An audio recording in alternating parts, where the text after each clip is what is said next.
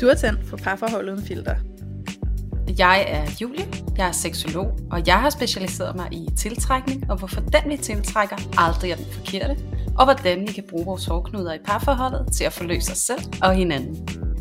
Og jeg er Louise. Jeg er selvværdscoach. Jeg hjælper kvinder med at få et kærlighedsfyldt og ligeværdigt parforhold ved at lære at elske sig selv først. Og sammen tager vi filteret af parforholdet. Hej og velkommen til Parforhold Uden Filter. Og i dag sidder jeg her som altid sammen med Louise. Hej Louise. Hej Julia. Og i dag der tager vi øh, endnu en gang fat i et af jeres temaer. Øhm, fordi nu har vi spurgt ud et par gange, og op til flere gange, så er der flere af jer, der har skrevet til os, at de rigtig godt kunne tænke jer at tale om det her med øh, sammenbragte familier. Og øh, der har vi fået alle mulige inputs i forhold til, hvad man gør med svigerforældre og sambragte børn, og komme ind i et parforhold, hvor der er et barn, øh, og man ikke selv har et. Og der er så mange vinkler på det her, og hele den her øh, samtale om familiekonstellationer, og hvordan de har ændret sig over tid, gør også bare, at, øh, at familieliv måske ikke er så normativt længere, som det har været. Det kan se ud på rigtig, rigtig mange måder, og der kan komme et hav af udfordringer, når vi skal begynde at etablere os som familie, eller vi skal træde ind i en. Og øh, de her udfordringer, de sætter altså også øh, præg på parforholdet, og hvordan vi er sammen med hinanden, hvordan vi elsker hinanden. Øh, så det skal vi selvfølgelig snakke om, fordi at øh, det skal vi jo prøve at pille filteret lidt af, og se hvordan det ser ud. Og øh, jeg selv har jo øh, et barn og har en kæreste, som ikke er faren til mit barn. Så jeg har det jo selv lidt inde på livet, det her med at være sammenbragt familie, selvom det nu bare er os tre. Øhm, og samtidig så har jeg også erfaringer med alle de forskellige øh, udfordringer og samtaler, som der kommer med, når at, at man etablerer sig sammen på den måde. Så øh, ja, det skal vi snakke om i dag, og Louise og jeg, vi har kastet os lidt ud i det. Og øhm, det, øh, det kommer til at blive sådan lidt en fortælling om, hvordan jeg oplever det på den ene side med barn, øh, også som fraskilt og med ny kæreste. Og så har, er vi jo så heldige, at øh, Louise måske har lidt den anden side, hvor at hun er i et fast forhold, og har været det i mange år, og er meget i samtalen omkring det her med at få børn. Så vi håber, at det kan komme til at blive et afsnit, som kan afspejle lidt forskellige perspektiver på familieliv, og så lave lidt sådan en øh, før og efter øh, refleksion over, hvad det indebærer. Så øh, ja, Louise, hvad tænker du om det her med sammenbragte familier, og bare generelt måske det at få børn, og hvad det gør ved parforholdet? ja, det var godt nok et bredt spørgsmål. Ja. øhm, ja, hvad tænker jeg? Altså sådan, øh, det første, som jeg tænker, som jeg, øh, som jeg kunne have et behov for bare lige at i tale sætte, det er, at nu laver vi det her afsnit, som jeg ved, der er enormt efterspurgt hos alle jer lyttere, og øh, som jeg sagde til Julie, inden vi gik i gang, jeg føler jo, at Julie hun er mere berettiget på en eller anden måde, fordi hun har et barn, og hun er øh, sammen med en kæreste nu, så, øh, så på den måde, så føler jeg, at hun har lidt mere erfaring på det her, øh, i forhold til sådan sammenbragt, hvor at jeg har jo ikke børn, og øh, på den måde, så kan jeg godt føle lidt, at der måske er nogle af jer lytter derude, der kunne lytte til noget, jeg siger, og så sidde og tænke, ja ja, det kan hun jo sagtens sige, men hun har jo ikke børn, så hun ved ikke, hvordan det er, når først man står i det. øhm, så tilgiv mig, hvis det er det, I tænker. Øh, på den anden side, så tænker jeg måske, at min styrke er, at jeg kan komme fra den her side, som, øh, som alle jer, der har børn, også engang har været på, hvor at jeg jo endnu ikke har børn, men gør mig helt vildt mange tanker omkring øh, opdragelsen, jeg gerne vil, øh, bringe, når jeg får børn, og den samtale, jeg tit har med min kæreste om, hvad er det for nogle forventninger, vi har til, til vores opdragelse og vores fremtidige børn. Øhm, hvad er det for nogle kerneværdier, der er vigtige for os at bringe videre, og, og så videre og så videre. Så der er jo faktisk rigtig, rigtig, rigtig mange ting på spil. Og der tænker jeg, at styrken måske nok kan være, at øhm, jeg forestiller mig godt, at man kan blive virvlet lidt ind i hverdagen og i alt det kaotiske, der nu engang står på, når man har den her hverdag med, øh, med børn.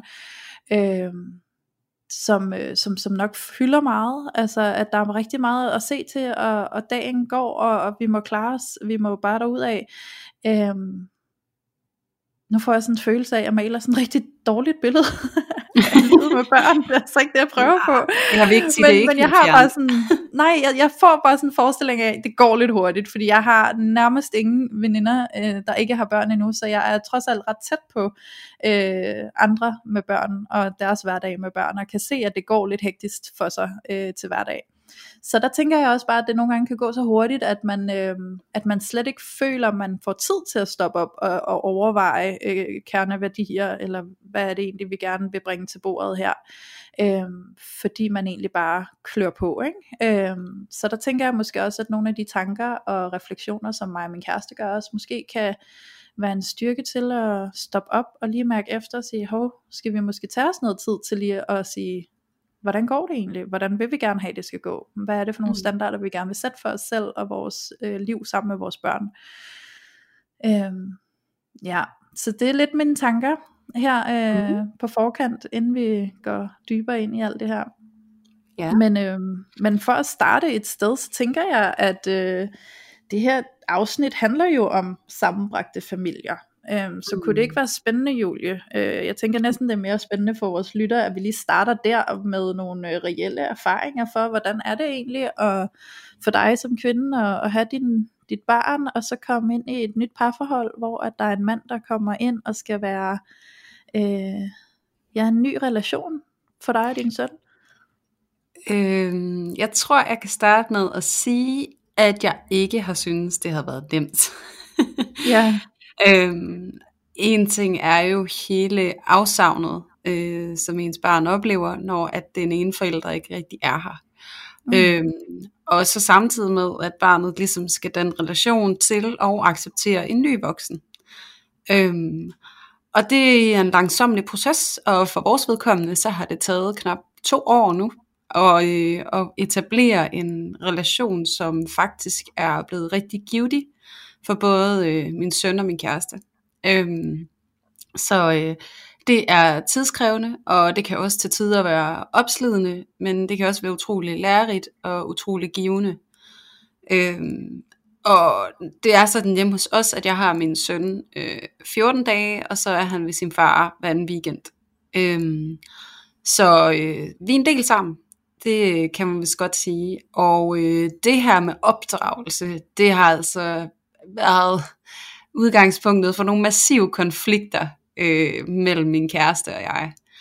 Øhm, og det er jo vores erfaring. Øhm, og jeg er ret sikker på, at der er nogen af jer, som lytter med, som kan genkende det, ellers så havde I nok heller ikke rigtig efterspurgt det her afsnit.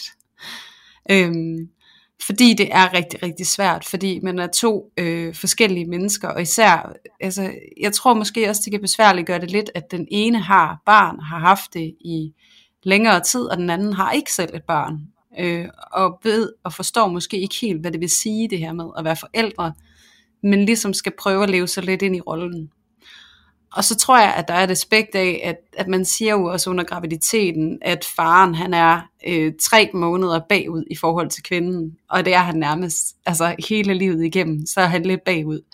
Øhm, og så ved jeg ikke, om du kan forestille dig det, Louise, men hvordan er det så ikke for en mand, der kommer ind i et barns liv i treårsalderen, mm. og slet ikke har været forældre op til det? Ja. Øhm, jeg vil bare lige sige, også bare lige sådan en disclaimer her, inden at jeg kommer alt for godt i gang, at øh, min kæreste, han har været super øh, seriøs og ambitiøs omkring det at skulle være øh, bonus øh, forældre, så øh, det er jeg super taknemmelig for, og man kan sige, når jeg siger, at vi har mange konflikter øh, i relation til opdragelse, så er det jo også et udtryk for, at hvis der er konflikter, så er det fordi, det betyder noget. Så øh, på den måde, så bruger jeg også konfliktniveauet øh, lidt til, at, at, at det kan være en indikator for, at jeg ved, at han faktisk er følelsesmæssigt investeret i det her. Øh, og det betyder noget. Så øh, alle jer derude, som måske også kan genkende øh, det lidt høje konfliktniveau omkring opdragelse og, øh, og det her med at skabe familie, så, øh, så kan I måske også øh, betrygge jer lidt ved den tanke, at øh, vi som regel kun reagerer, når der er et eller andet på spil for os.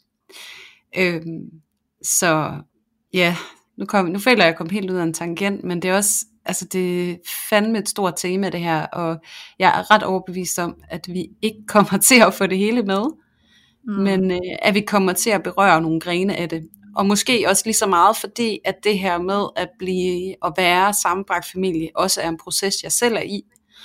Øh, som jeg lige sagde før, så indtil videre har det taget to år, og vi er ikke i mål endnu.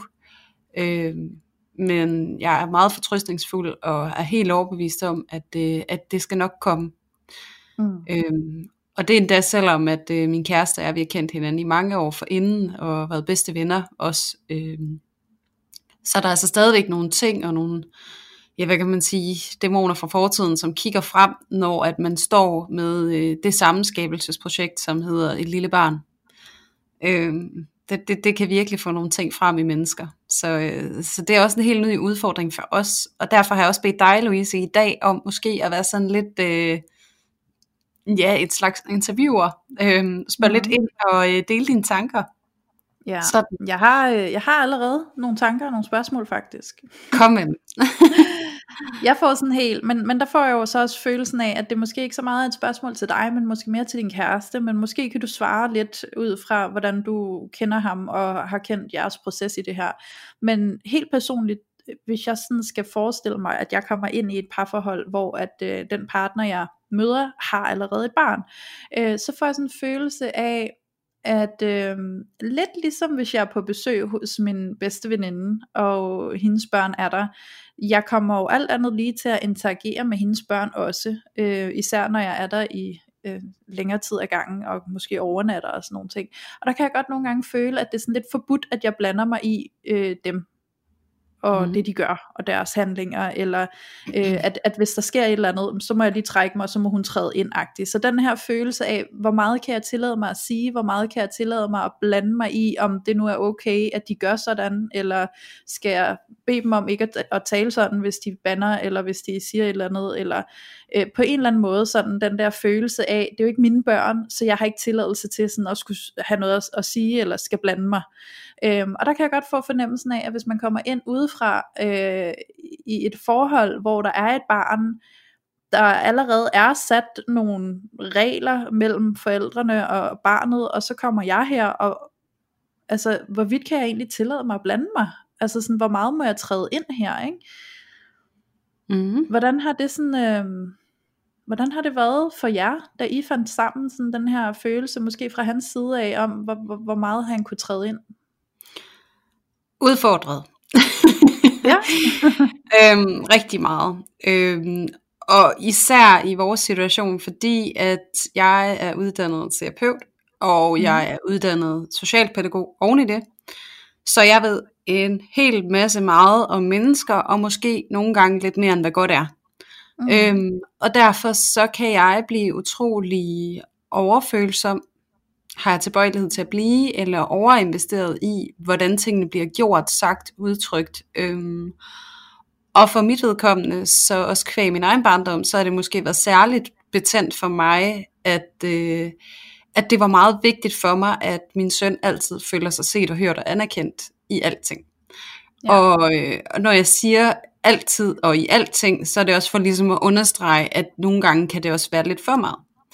Øhm, og det er jo nogle gange også det, der er gave, når ens partner kommer ind, det er jo, at de også nogle gange hjælper med at sætte et lys på, hvor man selv øh, har brug for et eller andet sted at fagne noget i sig selv, som man måske er kommet til at kaste over på sit barn.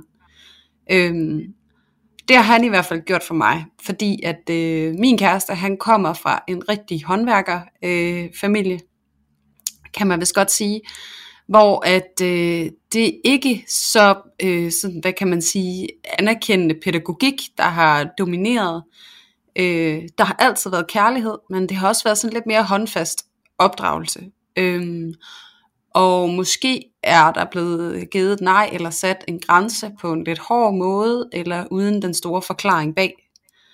Øh, og der kan jeg jo godt tage mig selv i at gøre mig til dommer over, at hans måde at gøre det på er forkert, eller nogle gange endda ødelæggende for øhm, min søn. Øhm, og dog så ser jeg jo faktisk, at min søn etablerer et tættere og tættere forhold til ham. Så jeg kan jo se, at det kan godt være, at jeg dømmer min kærestes adfærd som værende forkert eller skadende, og alligevel så kan jeg jo se, at øh, min søn er utrolig glad for ham. Øhm, så det, jeg ved godt, det måske undviger sådan lidt fra spørgsmålet, men, men det er sådan, det har set ud hjemme med os. Og jeg tror, det jeg egentlig bare ved udled af det, det er, at alle mine idéer omkring rigtigt og forkert, og hvad der kan være skadeligt for mit barn, og hvad der var skadeligt for mig, altså det der med, at jeg tager over, trækker hele min egen opdragelse, og alle mine egne længsler og, og ønsker ned over hovedet på mit barn og på min kæreste. Altså så skal de leve sig ind i det på en eller anden måde, sådan, og godt gøre det. Og det, det kan man jo komme til, når det er ens børn, fordi man er så følelsesmæssigt investeret i det, at man bliver lidt blind på, at det er nogle fortællinger, jeg trækker ind i det, der sker, eller er det sandt? Fordi lige det her mm. scenarie, hvor at han det kan være håndfast og sætte nogle meget tydelige grænser, og jeg kan blive helt vildt provokeret af det, øhm, der kan jeg jo også samtidig se, at, at på trods af, at han måske sætter grænser på en anden måde, end jeg gør, øh, med lidt mere hårdhed, så er min søn jo stadigvæk tryg ved ham og glad for ham og opsøgende på ham. Øh, og det er jo det, som er sandt. Det er jo egentlig min ja. søns adfærd. Og det andet, det er, kan jeg jo så konkludere, så er det min fortælling. Øhm, og jeg tror, det er det, der sker rigtig tit øh, for rigtig mange af os, at vi har nogle dogmer og nogle idealer og nogle forestillinger og nogle såringer og nogle traumer, som vi skal forsøge at godtgøre i vores eget forældreskab. Øhm, og vi kan nogle gange stille nogle kæmpe store og ekstremt urimelige krav til os selv. Øh, mm. Og dem kan vi endda også trække ned over vores børn, at de skal reagere på en bestemt måde i relation til os og deres omverden, fordi ellers så vi ikke lykkes. Og det kan blive sådan lidt øh, indirekte, altså hvad kan man sige, udtryk for, at, at for barnet, at de også skal være på en bestemt måde, for at mor eller far er tilfredse med min adfærd. Så det kan jo blive sådan en regulering frem og tilbage, som jo dybest set ikke er særlig sund. Øhm, så ja, der, det er det der med de der forældredormer og ting og sager, som jeg ser, der kan gå ind og spolere øh, den sammenbragte familie, eller øh, parforholdet i den forstand, fordi at man kan sige, når min kæreste og jeg, vi diskuterer om børneopdragelse, så er det ikke lige der, hvor vi kysser og krammer allermest, kan jeg godt sige. Nej. Nej. Ja, så ja. Øhm, Ja, okay, jeg kan også godt se, at det åbner sig og folder sig ud. Jeg får vildt mange tanker nu, og altså, der sker vildt meget op i mit hoved også, fordi der er så meget i det her med børneopdragelse. Men inden det, øh, hvis vi overhovedet skal til det, for det er jo egentlig ikke det, det som sådan handler om, men alligevel lidt, så får jeg også lyst til at spørge, hvordan er det egentlig for dig på den anden side, Julie, at, at tage imod en ny figur, der kommer ind i, i din hverdag sammen med, med din søn, og også skulle åbne op for at tillade, at han nu får lov at have en plads mm. og få lov at have den her interagering med dit barn. Altså forstår du, hvad jeg mener? Ja. Hvordan, hvordan er det for dig, eller hvordan har det været for dig at skulle give plads til det? Det har været en kæmpe tillidsøvelse. Mm. Øhm, kæmpe stor tillidsøvelse. Fordi at, og jeg ved ikke, om I måske også kan høre det på mig derude, sådan, altså lige det her med børneopdragelse, alle de her ting, det er bare, det er så, så følsomt. Øhm, så det har været rigtig svært for mig øh, og rigtig følelsesbetonet for mig, øh, at skulle lukke ham derind, øh, og tillade det at ske, som sker, og nogle gange, når jeg ser deres måder at interagere på, øh, selvom de finder ud af det, så kan jeg sidde og bide mig selv i tungen, fordi jeg kan blive sådan lidt perfektionistisk over, at det ikke bliver gjort, som jeg vil gøre det, agtigt. Mm. Øh, så for mig, så har det også været sådan lidt kontroltab, øh, sådan, det er helt vildt svært.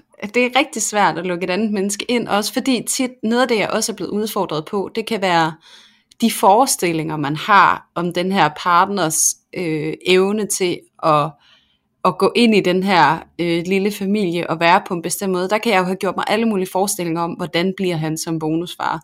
Lidt ligesom ja. når man måske sidder og tænker på at få børn, og har sådan nogle forestillinger om, hvordan bliver min kæreste som far, og det med, ej, han bliver bare en god far, det kan jeg mærke. Og jeg har så bare erfaring med, at jeg gang på gang er blevet utrolig overrasket og har fået noget helt andet, end det jeg regnede med. Øh, og, og, det, og det er udfordrende at stå der og have en forestilling, og så måske ikke blive mødt i den, eller lige pludselig skulle forholde sig til noget helt andet. Så det har været rigtig svært. Øhm, ja. ja, jeg ved ikke, om det var svaret på dit spørgsmål, eller jeg gik ud af en tangent. Nej, jeg synes det var, øh, jeg synes det gav så god mening, fordi jeg får selv kontakt til, øh, altså sådan, jeg kender jo endnu ikke følelsen af at være mor, men jeg har jo fået fortalt mange gange, at det er en følelse, du slet ikke kan forestille dig, før du har den. Og det har jeg kæmpe respekt for. Og derfor så kan jeg også forestille mig, at ens barn i princippet bliver ens aller dyrbareste, som man passer på, og som man føler det her kodyle ansvar over for, at øh, forme i den rigtige retning i livet, ikke? og give alle de bedste forudsætninger, øh, mm. og måske også i virkeligheden blive enormt optaget af, det, som jeg ikke synes fungerede i min barndom, skal mit barn i hvert fald ikke opleve. Øhm, så meget, at man overkompenserer og går sådan for meget i den modsatte retning næsten, ikke? Sådan, så det næsten bliver øh, det nye skadelige for ens barn, eller hvad man skal sige. Mm. Øhm, det som ens barn så måske vokser op og siger, det skal mit barn i hvert fald ikke opleve, ikke? Altså, så. Øh, Øh, så det er ret interessant, så jeg forstår virkelig godt, jeg kan godt sætte mig ind i den der følelse, du siger med, at det er sådan kontroltab af, sådan, okay, så nu kommer der en anden, som også får mulighed for at få indflydelse på mit barn, men, men jeg har ikke 100% kontrol over, hvordan eller hvorledes, og på et eller andet plan øh, føler jeg mig også øh, i går så en nødt til at give plads til, at min partner også får lov til at være sig selv i det her, at jeg ikke skal diktere, hvordan han skal være over for mit barn. Mm. Fordi hvis vi skal have en chance for at blive en, øh, en, en øh, funktionel og, og naturligt flow familie sammen, jamen så skal han jo også have lov til at være sin, og jeg er min. Øhm, og den plads skal jeg jo give ham, så vi er jo nødt til at finde vores samspil i det her, mere end at jeg skal fortælle ham, hvordan jeg vil have, han skal være i det her. Ikke? Mm. Øhm, fordi det tænker jeg også, at det handler rigtig meget om, når man lukker et menneske ind i, i sit liv, hvor man også har et barn, eller flere børn, at man, at man lukker det menneske ind som helhed, ikke? og sådan tillader, nu bliver det noget nyt, som vi laver sammen. Nu, skal, nu skaber vi en ny hverdag sammen, og det kan godt være, at jeg så måske skal komme til at bøje nogle af de ting, jeg har været vant til, eller nogle af de regler, jeg har sat, øhm, og så måske også give plads til selv at udvikle og opdage noget nyt, som min partner måske bringer ind, som jeg ikke ellers ville have opdaget. Hmm. Ja. Jo, for det er jo helt klart en udvikling, altså når det her andet menneske kommer ind, og igen, altså, du får som oftest noget, du ikke regner med. Øhm, ja. Og jeg tror egentlig, altså man ser jo også i, i kraft af, hvordan din egen opvækst har været, øh, som du også var inde på før, Louise, så er det det her do's and don'ts og noget, ja. der i hvert fald bare ikke skal være der. Øhm, og det der er, hvis du selv har en svær barndom, det er, at det kan blive utrolig svært at skælne. Øhm, mm. Hvornår er vi der, hvor det er så ekstremt, som det var for dig? Øhm, ja. Og der kan jeg godt tage mig selv i, i relation til min kæreste og se spøgelser. Øhm, fordi at, at det, det, I, I kan, jer der har lyttet med noget tid, I ved jo allerede, at min far han var alkoholiker, og min mor hun blev hjerneskadet, da jeg var meget ung. Så jeg har øh, haft en, en barndom, som har været præget af en stor ensomhed og en overansvarsfølelse og utrolig meget sorg. Øh, og der har jeg da forsvoret, at den især overansvarsfølelse, jeg stod tilbage med som barn, den skulle min søn aldrig opleve. Mm. Øh, og den bliver så stærk, den fortælling i mig, at jeg ser hans overansvar alle steder, i alle situationer. Og jeg er faktisk, altså så hvad kan man sige, selv mærket af det, at jeg kan have svært ved at skælne imellem, om det i virkeligheden er et overansvar, eller om det blot er en tolkning. Ja. Øhm, fordi at når jeg så kigger sådan helt nøgternt på den konstellation, jeg har skabt i mit liv for mig og min søn, og nu også min kæreste, der kan jeg tydeligt se, at det han vokser op i nu, er på ingen måde tilnærmelsesvis sammenligneligt med det jeg voksede op i. Så derfor så er vi jo også ude i det her, som vi snakkede om før øh, i tidligere afsnit, Louise, det her med fakta og fortælling. Ja. Og jeg tror, det er noget af det, som kommer til at larme rigtig, rigtig meget for os øh, generelt. Og jeg snakkede også om det før, den her forventning om, du har, hvordan din partner bliver i relation til dig og dine børn, og den her kernefamilie, I skal have, og hvordan det hele skal udspille sig. Det er faktisk den, der forpurer øh, forholdet og forpurer den gode familiesamførsel. Mm. Øhm, fordi det er alle dine tanker, alle dine forestillinger, som gør livet svært for os. Øh, fordi at man bliver så forblændet, ikke? Jo, så jeg har virkelig altså sådan, skulle tage mig selv i sådan at appreciate og, og være realistisk. Øh, og også tage lidt ud af den her romantisering af, hvordan det ser ud.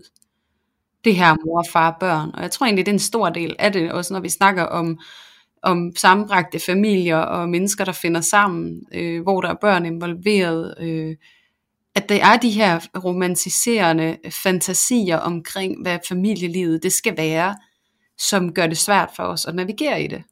Fordi ja. det er ret svært at efterleve mange af de her romantiseringer. Fordi ligesom at vi har alle mulige romantiseringer omkring, hvordan parforhold det skal være, bare som parforhold, uden børn, hvis vi tager dem ud af det, øh, så kan vi jo se, hvor meget det saboterer os. Men der er jo tilsvarende en romantisering af familielivet, og hvordan det skal mm-hmm. være. Ja. Og jeg tror bare, det er noget af det, som man virkelig er nødt til at give lidt køb på, og så være mere realistisk, og så virkelig begynde at praktisere noget, undskyld mit øh, udtryk, fucking taknemmelighed, over det, som er. Fordi jeg kan ja. da godt blive super utaknemmelig, øh, og meget perfektionistisk, og bedre vidende, og ja, hvad jeg ellers kan blotte mig selv for lige nu, er super negative egenskaber, men dem har jeg jo også i mig, men det er dem, jeg er nødt til ja. at se mig selv i, når jeg står i det. Ja, lige præcis. Ja, jeg tror, du har ret, Julie, virkelig at gribe sig selv, ikke? Altså, at se sig selv. Hmm. Og der tænker jeg egentlig også sådan, nu ved jeg godt, det ikke relaterer sig til hverken dig eller mig øh, i vores liv, men øh, sammenbragt familie, så hvis man står og er øh, to partner, der finder sammen, og begge har børn, mm-hmm.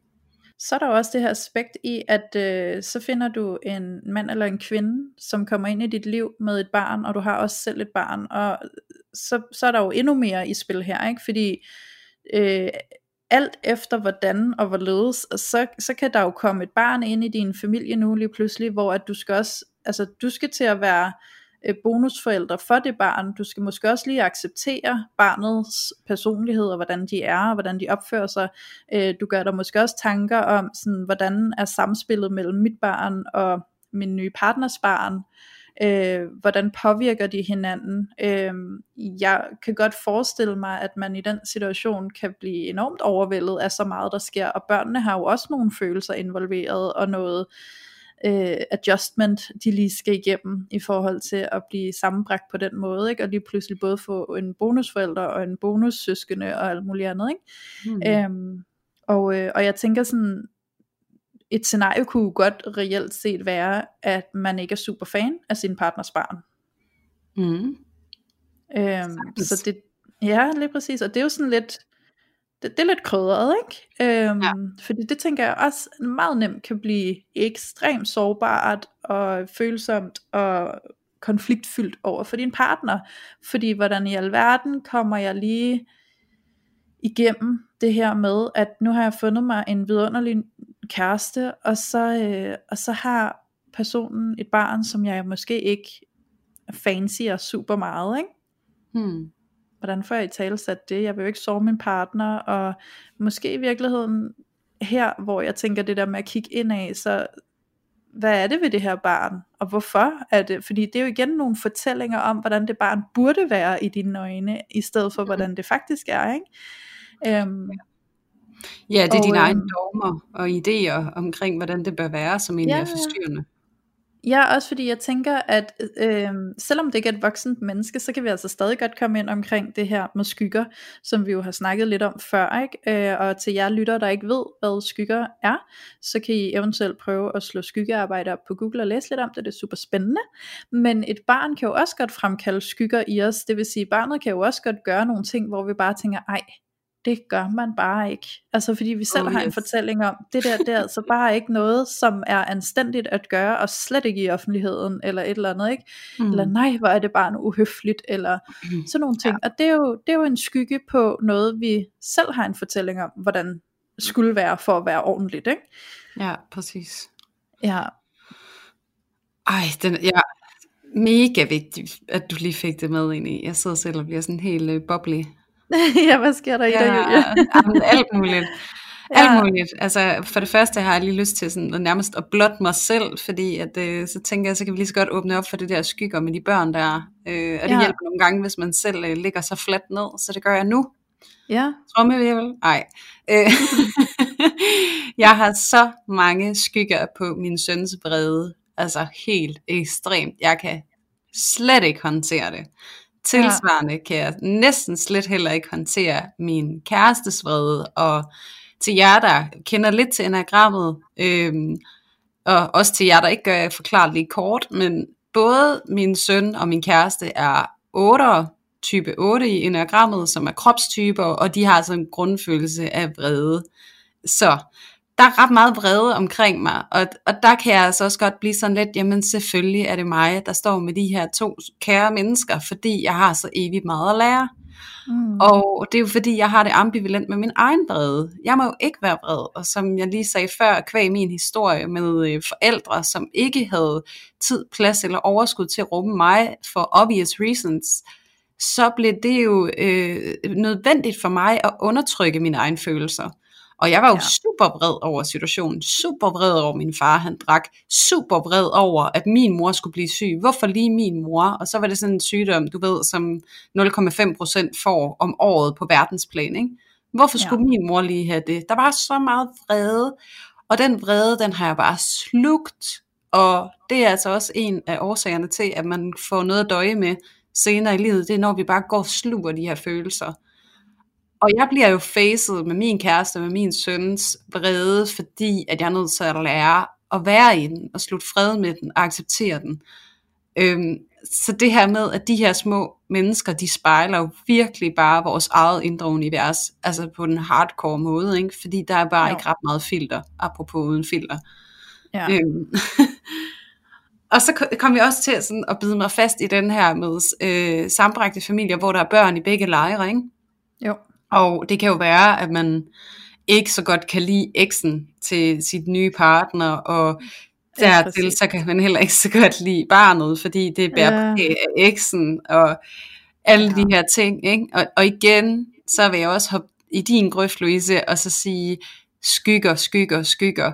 Hvad er det mm. også, du dømmer eksen for at være? For det er du i hvert fald ikke. Sådan er du i hvert fald ikke. Sådan, enten så er det noget, som du ikke selv evner, øhm, og enten så er det noget, som, som, så noget, du ikke evner, som du måske er lidt misundelig på, eller også så er det noget, du har puttet så langt væk, fordi at det var du nødt til på et eller andet tidspunkt, for at blive accepteret, som du måske selv længes efter at kunne være.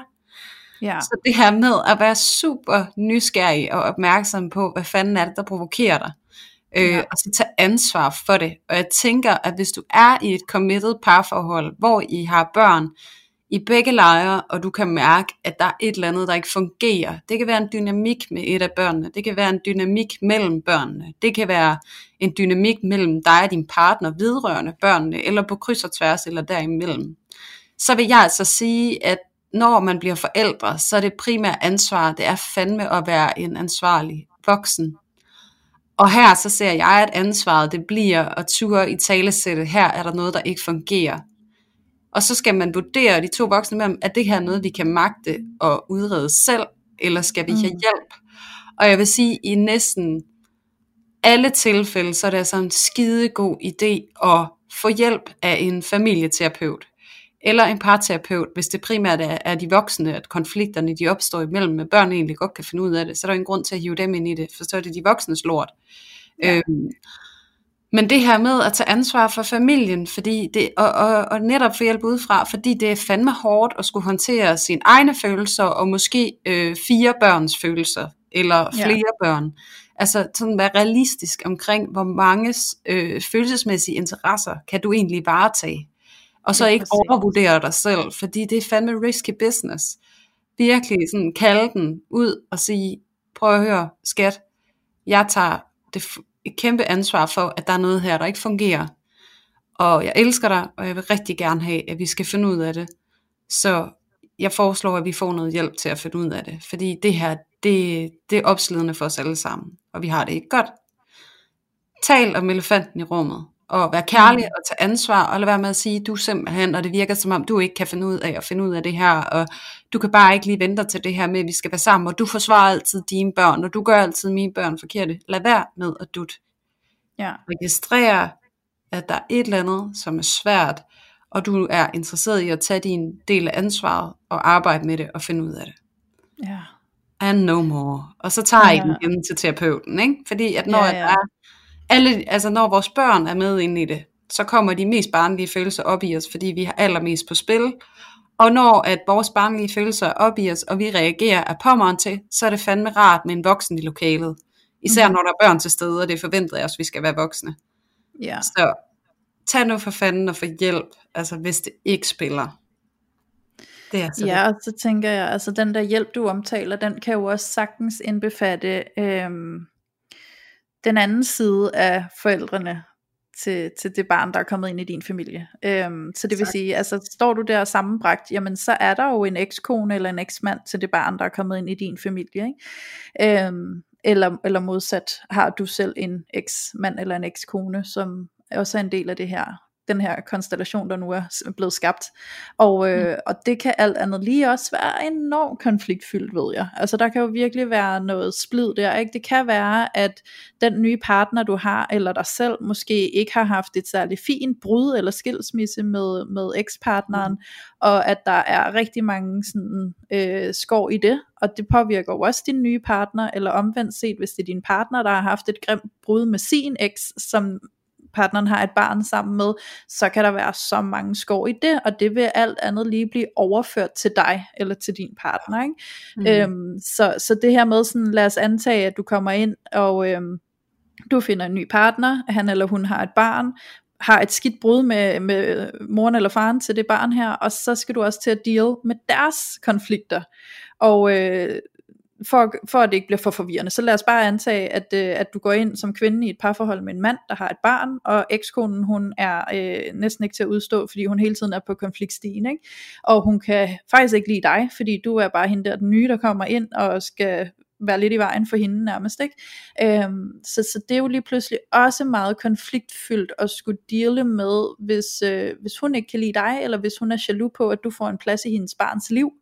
Det kan også være, at, øh, at du selv synes, det er svært at få en plads i barnets liv, på grund af denne her mor, ikke? Øhm, Ja. så, så der er altså også bare virkelig meget på spil her, hvor at der er det lige så legit at sige, lad os få noget familieterapi, og lad os inkludere de andre parter også.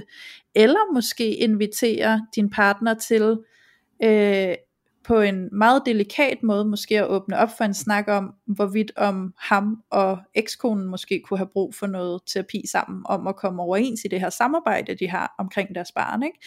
Mm. Øhm, for det kan jo godt være, at du ikke selv er super involveret i det, øh, men mere står på sidelinjen og kigger på deres konflikter, men det kan jo alt andet lige også bare være enormt drænende at være på sidelinjen i. Ikke? ja. Ja. Øhm, Og så tænker jeg, at det er sindssygt øh, godt råd. Også det der, du, du siger med at gå i terapi øh, med den tidligere partner. mm, Fordi, at, og så tænker jeg jo også især ind i det parforhold, du er i nu. Altså fordi hvis ikke du rydder op med din eks, så udspiller det sig igen i dit nye parforhold. Og Ja. det kan jeg helt personligt skrive under på. Øhm, og derfor har det også været vigtigt for mig, øh, nu min eks og jeg, vi snakker øh, regelmæssigt sammen, og vi rydder op i vores parforhold, øh, som vi havde. Og dermed så øh, rydder vi faktisk også op i vores forældreskab, og skaber stien for, hvad det er for et forældreskab, vi skal have sammen. Fordi det kommer vi altså til altid at skulle have sammen. Og hvis det forældreskab, det skal være en krig, jamen så er der kun én taber, som man plejer at sige, og det er altså børnene. ja. Øh, men jeg synes faktisk ikke, der kun er én taber. Jeg synes virkelig også, at man selv er en kæmpe taber, hvis man ikke kan finde ud af at rydde op efter sig selv. Mm. Øh, og det kan godt lyde lidt hårdt og lidt fordømmende. Men det er også det der, hvis vi skal være nogle gode forbilleder og nogle gode rollemodeller for de her kære børn, så er det fandme vigtigt, at vi lærer at rydde op. Øhm, og virkelig, altså jeg, ja, jeg har selv gået i terapi med min eks, og jeg kan virkelig kun varmt anbefale det. Øhm, og vi har haft samtaler, hvor at, at det handlede om, at vi skulle sige det, vi ikke havde fået sagt, og så bare lytte til hinanden. Nu skal jeg lige skynde mig at sige også, at min eks også er uddannet inden for øh, kommunikation og de her ting, så, så der har vi jo selvfølgelig en kæmpe fordel, som jeg på ingen måde vil underkende. Men jeg vil bare sige, at hvis du gør dit for at etablere en eller anden form for oprydning med din ekspartner, så gør du altså bare dig selv og dit barn og dit nuværende parforhold en kæmpe, gigantisk tjeneste. Mm. Øhm, og også nogle gange, så plejer jeg at sige, at hvis du finder en ny partner, så skal du være meget opmærksom på, hvordan den her partner taler om sin eks. Ja. Fordi at det er en rigtig, rigtig god indikator for, hvordan de vil tale om dig, når tingene ikke fungerer. Fordi at de er igen over i skygger og projektioner, og det som din partner nu sidder og bitcher og brokker sig over, det er formentlig et eller andet, som de enten misunder, at den anden har adgang til, øh, eller et eller andet, som de overhovedet ikke vil vedkende sig, at de mm. også ejer i deres person og i deres mønster. Så det er alt sammen skygger og projektioner, og, øh, og det er fordi vi, vi kan ikke, altså vi reagerer ikke på noget, vi ikke kan relatere til. Så vær rigtig, rigtig nysgerrig, når din partner bitcher over sin eks, og så måske igen øh, lidt som du også siger, Louise, øh, på en eller anden delikat måde, jeg kan godt lide det ord, øh, mm. spørg hen til, hvad handler det om? Eller jeg oplever, at du bliver meget følsom, når vi taler om det her. Kunne du have lyst til at fortælle noget mere om, hvad det gør ved dig, at ja. du synes, at din partner eller ekspartner er på den her og den her måde. Og hvad får du mm. det til at betyde om dig, og hvad fik du det til at betyde om dig selv, mens I var sammen? Altså prøv at føre dem tilbage til jeres partner, fordi så hjælper I dem faktisk også med at komme ud af det her drama, som de er i med deres eks. Hvis du ligesom fører det tilbage til dem selv, sådan at de får mulighed for også at vise sig og fortælle, øh, hvordan de egentlig har det. Fordi al den der aggression, den dækker som regel bare over noget, de ikke har fået sagt. Noget, de er blevet såret på, eller er kede af, øh, eller vrede over. Så, så der kan I også forløse noget øh, ind i jeres nye relation. Kom jeg lige til at yeah. tænke på, mens jeg sad og sagde det faktisk. Øh, ja, der, der er jo vildt meget potentiale i det i det gamle. Ja, for jeg tænker også, altså sådan, det er, handler vel også om, at hvis din, part, hvis din nye partner øh, taler grimt om sin ekspartner, så er der nok noget, der er uafklaret. Altså, så, så der er jo også en frihed i at få det renset, sådan, så det ikke længere er en torn, der sidder. Ikke? Øh, fordi den torn vil da alt andet lige, hvis den ligger i din partner, så vil den på et eller andet tidspunkt også forstyrre jeres parforhold. Fordi så er der jo en eller anden instinkt vrede, eller uafklarethed. Ikke? Der er et eller andet, der ikke er blevet... Øh, afsluttet. Ja. Øhm, og, der, og der har jeg lidt en filosofi om, vi har brug for at få det afsluttet på en fredelig fasong, før at øhm, før vi kan blive hele med os selv, og først når vi er hele med os selv, kan vi være øh, sådan dedikeret i et nyt parforhold på en, på en ren måde, hvor vi kan starte på en frisk og møde et nyt menneske i en helt ny relation, hvor vi ikke trækker noget gammelt med os ind, ikke? Ja, øhm, fordi der er også bare sådan den her klassiker med at komme ind øh, i, et nyt, i en ny relation, og så begynder at bebrejde, du skal i hvert fald ikke opføre dig ligesom min ekskæreste gjorde, ikke? Altså, mm. øhm, øh, og hvis jeg ser tegn på det, så kan det altså godt være, at vi to ikke skal være noget alligevel, eller et eller andet andet, ikke? Øhm, og, og det er måske lidt farligt, fordi så får du måske malet et eller andet billede af, hov, jeg så et tegn, så, så er du sikkert ligesom ham eller hende, ikke? Men det er jo ikke altid så sort-hvid, altså det kan være, at der ligger noget helt andet bag det, som slet ikke minder om din ekskæreste, men det er det eneste, du ser, fordi du stadig er så optaget af, hvad du blev såret over, eller, eller vred over, eller hvad det kunne være, ikke? i det gamle, du var i. Ja. ja. Det er bare altså, det der med bolden, den ligger sgu hos dig. Altså hvis ja, du ser altså, det, og du bliver ved med at opleve det, altså, og der er rigtig mange, inklusive mig selv, nogle gange, når jeg er rigtig reaktiv, fordi det bliver jeg jo også, så mm. kan jeg godt tage mig selv i at tænke, det der, det er fandme ligesom ja. min det der, altså, at jeg skal blive ved, med ja. at tage til tåls med det. Og så tager jeg mig selv i at tænke, jamen hvis det er mig, der bliver ved med at opleve det, hvad er fællesnævneren? Jamen det er mig. Mm. Okay, ja. mit shit. Nissen er flyttet ja. med. Godt så. Hvad handler det ja. om? Og det der med nogle gange også at prøve, at det kan også hjælpe at lege lidt med perspektiverne og sige, hvis nu, at, at jeg kunne prøve at se det her fra et andet perspektiv, hvordan kunne det så mm. se ud? Det der med, at situationen er afhængig af, hvem der ser på den. Ja, det øhm, det. og du ser bare hele verden igennem dit eget filter. Og, og du skal vide, at der er lige så mange perspektiver på en situation, som der er mennesker her i verden. Så, mm. så det der med nogle gange at prøve at åbne det lidt op for en selv, for også at kunne se på det lidt mere nøgternt, så man kan slutte fred med det. Det ja, er bare cool. fred. Det må være nøgleordet, fordi jeg har det sådan, altså det handler jo virkelig om at slutte fred, fordi slutter du ikke fred, så trækker du bare konflikten med dig, ikke? Ja. uanset hvem det så er, du står overfor. Ja, præcis. Og så når vi snakker sammenbragte familier, hvor der også er børn involveret, ikke? Altså sådan, det, I trækker det fandme også ned over børnene. Yeah. Øhm, og hvis du alligevel har besluttet dig for at gå fra din eks, skabe et nyt liv for dig selv og dit barn, så, øh, så kan jeg virkelig bare på det varmeste anbefale dig, og så virkelig også gå fra din eks. Altså, gør mm. op med det. Gør op med alle jeres krummelyrer, og alt det, som larmede, og alle jeres fortællinger, og alle jeres mønstre. Og så ja. prøv at tale åbent og ærligt omkring det. Og hver gang du skal konfrontere øh, eller tale med din nye partner om de her ting, du oplever, eller som du kan genkende fra tidligere, så øh, virkelig bestræb dig på at tage det fulde ansvar for det, du oplever. Mm. Altså fordi det er en oplevelse.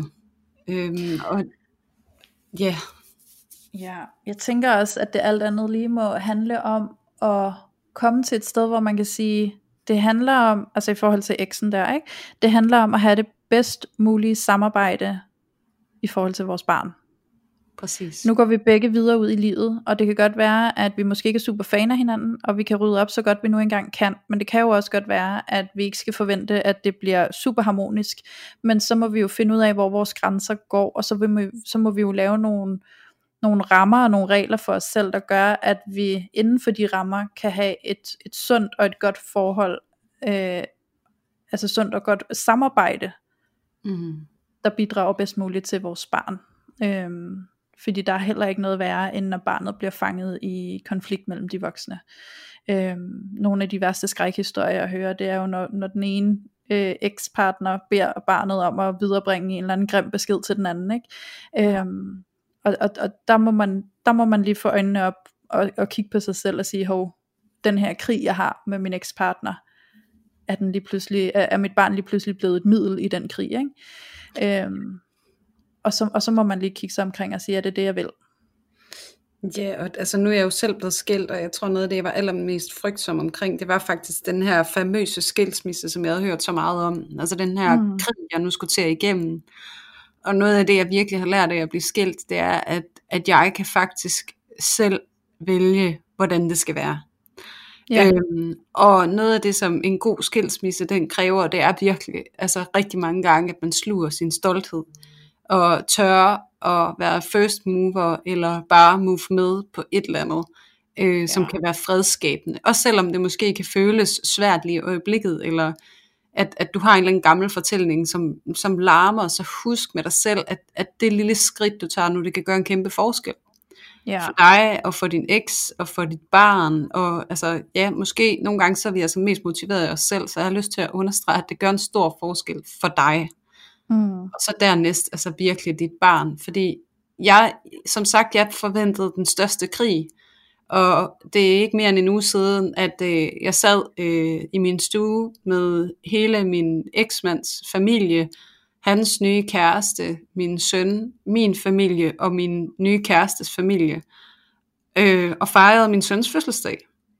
Mm. Og det var så fantastisk at erfare at kunne sidde i stue sammen og være glade, og at alle, altså tre familier, var faktisk okay med, at vi sad der sammen. Og det var fordi, at mig og min eksmand, vi viste dem, at vi havde det okay med det.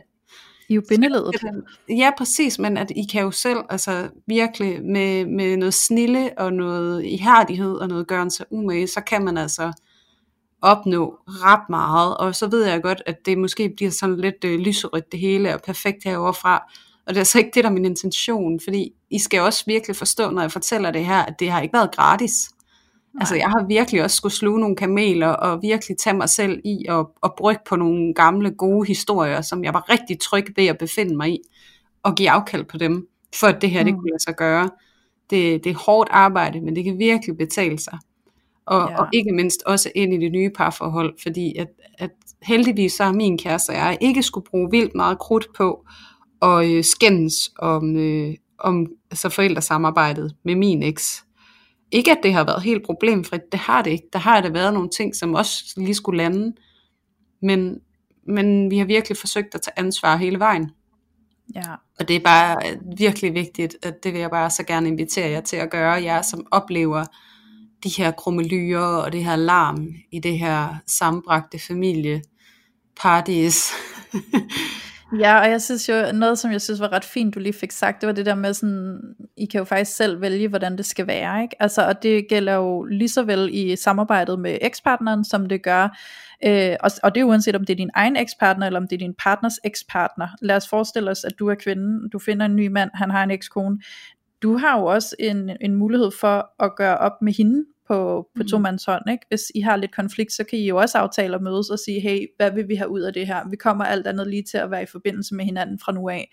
Så, så hvordan kan vi skabe de bedste rammer for os, øh, for at det her fungerer for os alle sammen?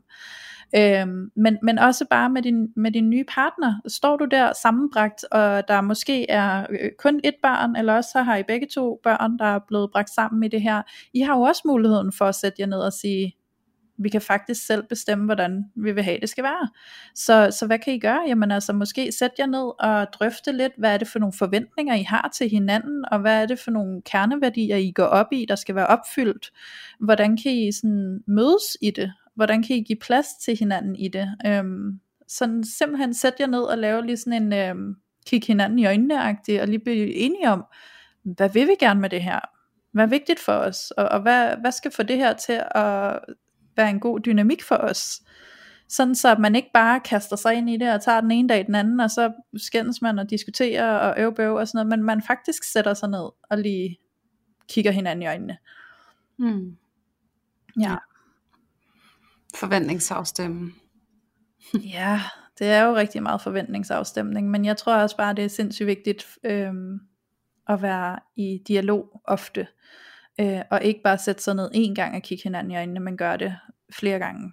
Gør det sådan ja. efter behov, skulle jeg til at sige. Men nogle gange tror jeg også, man er nødt til at gøre det øh, sådan oftere, eller hvad man skal sige, fordi nogle gange så tror jeg, at behovet kan godt være der, men man træder over det, fordi man er travlt, man skal bare videre, man skal frem, man skal have hverdagen til at fungere, og så føler man ikke, at der er tid eller rum eller overskud til at sætte sig ned og kigge hinanden i øjnene, og det tror jeg nogle gange er der, hvor man glipper den, den, det største behov for faktisk at gøre det, ikke?